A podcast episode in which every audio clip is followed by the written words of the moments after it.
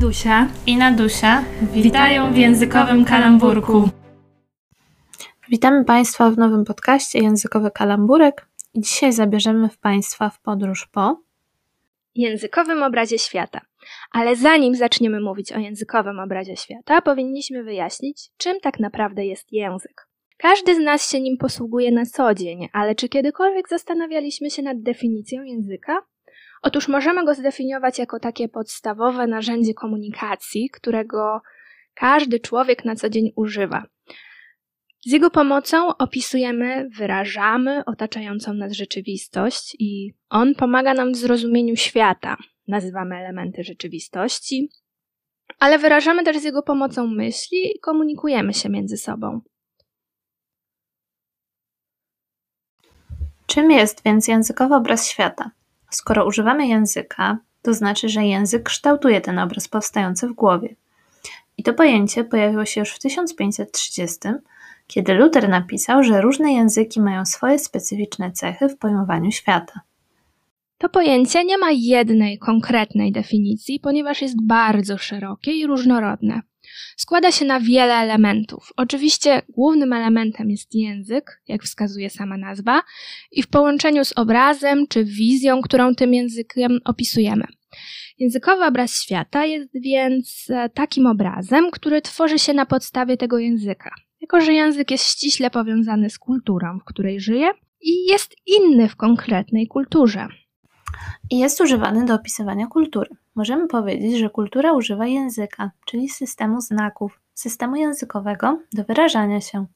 Możemy więc wydzielić grupy kulturowe, np. subkultury, etnokultury czy interkulturę i każda z nich będzie miała swój językowy obraz świata. Z tymi pojęciami związane jest pojęcie dyskurs, czyli zbiór tekstów, np. dyskurs rapu. I możemy tutaj, porównując utwory raperów, e, zauważyć wiele wspólnych cech i językowych obrazów świata. Na przykład tak o Hemingwaya. To wojna polsko-polska pod czerwonym neonem Rosman. Mural Powstanie Warszawskie, a pod nim Powerade, Padłeś Powstań. Nie będę się produkował, bo wszystko już powiedziała Masłowska.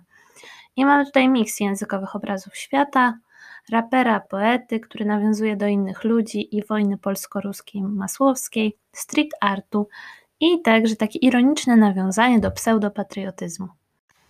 Oprócz tego opisuje obraz współczesnej Warszawy, gdzie obok ważnego muralu pojawia się zwykła reklama, toczy się wojna polsko-polska, a symbolem jednoczącym Polaków jest czerwony neon Rossmana.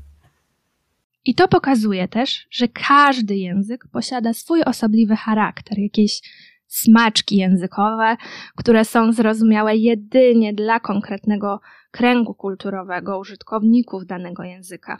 Są to specjalne cechy charakterystyczne dla użytkowników danego języka, dla danej grupy, która tym językiem się posługuje, i mogą to być pojedyncze słowa lub struktury gramatyczne, czy frazeologia, bo to ona jest zróżnicowana i nie możemy nigdy jej przetłumaczyć jeden do jeden.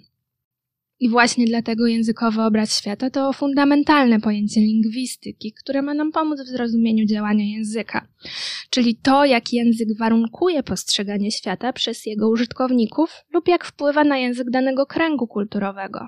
Ważne jest, aby rozumieć i wiedzieć, że takie różnice istnieją i nie w każdym języku znajdziemy ekwiwalenty odpowiadające danemu określeniu w innym języku. Na przykład angielskie mgły, fog, haze, mist. Hiszpańskie kochać, mamy dwa czasowniki, querer i amar. Ilość nas śniegu u Eskimosów albo pojęcie chleba, którego nie znają. Warto też wspomnieć, ile Polacy mają nazw na określenie ziemniaków. Dokładnie, jako że spożywamy chore ilości ziemniaków, to mamy kilka nazw w zależności od regionu. Nazywamy je pyrami, ziemniakami, kartoflami, ale i tak każdy rozumie o co chodzi, co później trudno wytłumaczyć obcokrajowcowi, który do Polski przyjeżdża. I warto wspomnieć o utworze słonia. Prosty przekaz, który trudno wytłumaczyć na przykład Anglikowi lub Hiszpanowi. Mama uczyła mnie życia, wszczepiła w serce pokorę, to te rewiry, gdzie pyry karmiły lud od pokoleń. I my od razu wiemy, że chodzi o Wielkopolskę i Poznań. Wiemy, że pyry są określeniem na ziemniaki, co, a czasem nawet mieszkańców Poznania i Wielkopolski. Dla obcokrajowca określenie wydźwięku językowo-kulturowego tego utworu jest praktycznie niemożliwe. Poza tym, kiedy my uczymy się języków obcych, to też trudno nam pojąć pewne zjawiska, rodzaje mgły, czy którego kochać w hiszpańskim akurat użyć, albo którego być. To są dla nas trudne rzeczy, które dla rodzimych użytkowników języka są proste i logiczne. To tak jak Rosjanie i ich lubić. Oni wiedzą, kiedy kochają, a kiedy po prostu lubią. Natomiast Polak, który używa tego czasownika, będzie miał problem, bo w rosyjskim nie ma podziału na kochać i lubić. Kiedy mówię ja lubię jako kocham, a kiedy jako lubię. A jaki problem miałby z tym Hiszpan? Opowiedz nam o tym więcej. Hiszpan używa dwóch czasowników dla kochać, ale zupełnie innych konstrukcji dla lubić, w sensie lubić kogoś w znaczeniu romantycznym lub lubić po przyjacielsku. I to się wiąże z tym, co napisał Humboldt, kolejny legendarny językoznawca, w 1907 roku. Każdy język naturalny zawiera jeden właściwy ogląd świata. Czyli jeden język to jeden obraz, więc w momencie globalizacji kultury pojawia się tutaj mm, ten problem, że wszystko się miesza i nie wiemy, jaki jest nasz kod kulturowy i co my chcemy przekazać. A w dobie globalizacji jest to o wiele trudniejsze, łatwiejsze, trudniejsze, łatwiejsze. Trudniejsze i łatwiejsze jednocześnie. Bo tak naprawdę teraz, kiedy kultury się przenikają, Łatwiej nam je poznać, ale to nie znaczy, że od razu łatwiej nam je zrozumieć. Próbujemy, uczymy się, ale mimo wszystko gdzieś tam pojawia się ten konflikt.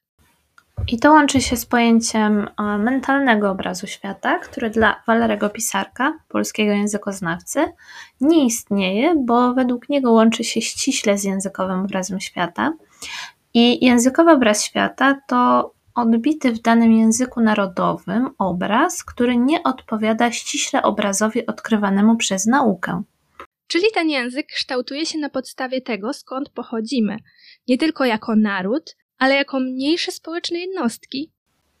Na przykład etniczne? No właśnie. Językowy obraz Kaszubów jest zupełnie inny niż językowy obraz świata Ślązaków. To na pewno. Ale jeśli chodzi o rodziny, też mogą mieć swoje powiedzonka i nazywać pewne rzeczy. I jak wyjdziemy poza ten krąg rodziny i przyjaciół, no to ktoś może tego nie zrozumieć. No tak, ale pytanie brzmi, czy rozróżniamy mentalny i językowy obraz świata? Czy one się jednak łączą? Mi się wydaje, że trochę się nakładają, ale mimo wszystko inaczej obrazujemy sobie coś sami dla siebie i inaczej opisujemy to dla innych. Tutaj jest też taki problem, że słowa nie zawsze mogą oddać to, co mamy w głowie. Są takie momenty, że chcesz coś powiedzieć, ale brakuje ci słowa. I tym gorzej, im więcej języków znamy, bo gdy znamy dwa lub trzy, to w tym momencie nie wiemy, jak powiedzieć coś po polsku, kiedy na przykład rozumiemy to po rosyjsku lub angielsku. I tak samo jest z pewnością z opozycją z hiszpański-rosyjski i przychodzi z pomocą inny język, ale nie możesz go użyć, bo twoi rozmówcy go nie znają, więc tak czy siak cię nie zrozumieją. I tu możemy powiedzieć również o hipotezie Sapira-Whorfa, którzy stwierdzili, że używany język wpływa na sposób myślenia. Trochę tak jest. Ale trochę nie. Ale trochę nie. Jest tak na pewno dlatego, że kiedy uczymy się języka jako dzieci, jesteśmy tym dzieckiem, które zna jeden język, to gdy później uczymy się języka obcego, robimy to na podstawie języka, który już znamy. Więc próbujemy tłumaczyć sobie niektóre zjawiska poprzez pryzmat swojego języka, co czasem jest niemożliwe. I w związku z tym opowiemy jeszcze o kulturowym obrazie świata, który łączy się z językowym obrazem świata. Z tym, że jeśli wychowamy się w kulturze konkretnego języka, to nasz kulturowy obraz świata będzie zupełnie inny niż w momencie, gdy poznajemy obcą kulturę z użyciem języka obcego. Nasze doświadczenie z obcą kulturą jako studentek filologii rosyjskiej i hiszpańskiej będzie inne niż gdybyśmy się tam urodziły. Czasem jest też takie, uwaga, jakie słowo, stalknawienie kultur? Zderzenie kultur? Zderzenie kultur. Jak nawet mamy wykładowcę na filologii, który pochodzi z kraju, którego języka się uczymy, niby wiemy jak jest, jacy są ci ludzie, ale dopiero jak poznajemy to na własnej skórze, co czasami jest czymś dziwnym, ponieważ w odniesieniu do wykładowców na przykład używamy zwrotów grzecznościowych. Szanowny panie profesorze, pani doktor. A w Hiszpanii będziemy mówić po imieniu, co dla mnie było dziwne i czułam się z tym trochę niekomfortowo na początku, kiedy mówiłam do pana profesora Felipe. Ale musiałaś walczyć z tym dyskomfortem. Tak, dlatego że dla nich jest to coś normalnego, to nie jest to znaka braku szacunku. I każdy student zwracał się do wykładowcy bezpośrednio. To tak samo jak ja zaczęłam się uczyć języka szwedzkiego i musiałam do swojej lektorki mówić Aniu, bo tak mówią Szwedzi. I wyobraźcie sobie, że jest to taka różnica wieku, że mógł być to wasz rodzic albo nawet dziadek. I myślicie sobie, jak to zrobić. Mm, to ze śmiesznych sytuacji komunikacyjnych. Mogę jeszcze powiedzieć, że mam taki przedmiot jak komunikacja międzykulturowa i chodzą tam dziewczyny z filologii hiszpańskiej i one opowiadały o takim konflikcie kulturowo-językowym, bo mówią, że ich wykładowca Hiszpan jest bardzo niezadowolony, że one mówią cicho, bo trzeba mówić dużo i głośno. Prawda, Ada? Tak, Hiszpanie lubią mówić głośno i dużo. Po prostu nie można milczeć. To też jest dobry temat na jeden z odcinków o ciszy w komunikacji, bo też jest różnie odbierana. Natomiast oczywiście Hiszpanie raczej są głośni i trzeba mówić często, byle mówić, nawet nie na temat, trzeba się odzywać.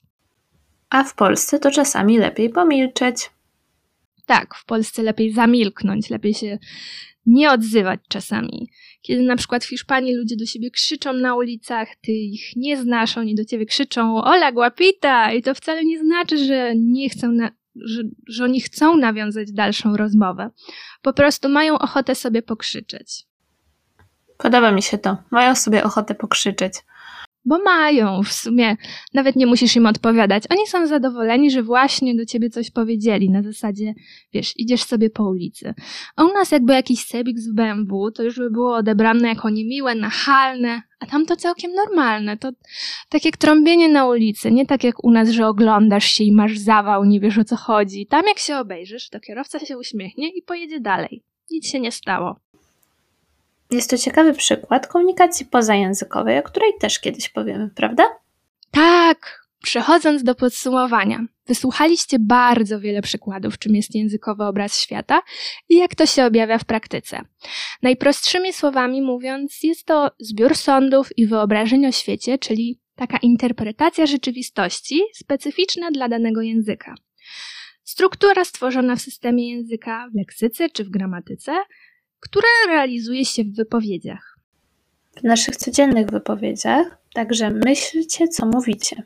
Bo często nie zwracamy na to uwagi, a język to nie tylko narzędzie wypowiedzi i komunikacji, jest to o wiele głębsze narzędzie. I z naszego osobistego doświadczenia możemy powiedzieć, że język kształtuje rzeczywistość i odzwierciedla się w tej rzeczywistości bardzo wyraźnie. I właśnie w ten sposób chcemy zaprosić na kolejny odcinek, w którym powiemy o feminatywach i patriarchalnym języku, który kształtuje polską rzeczywistość.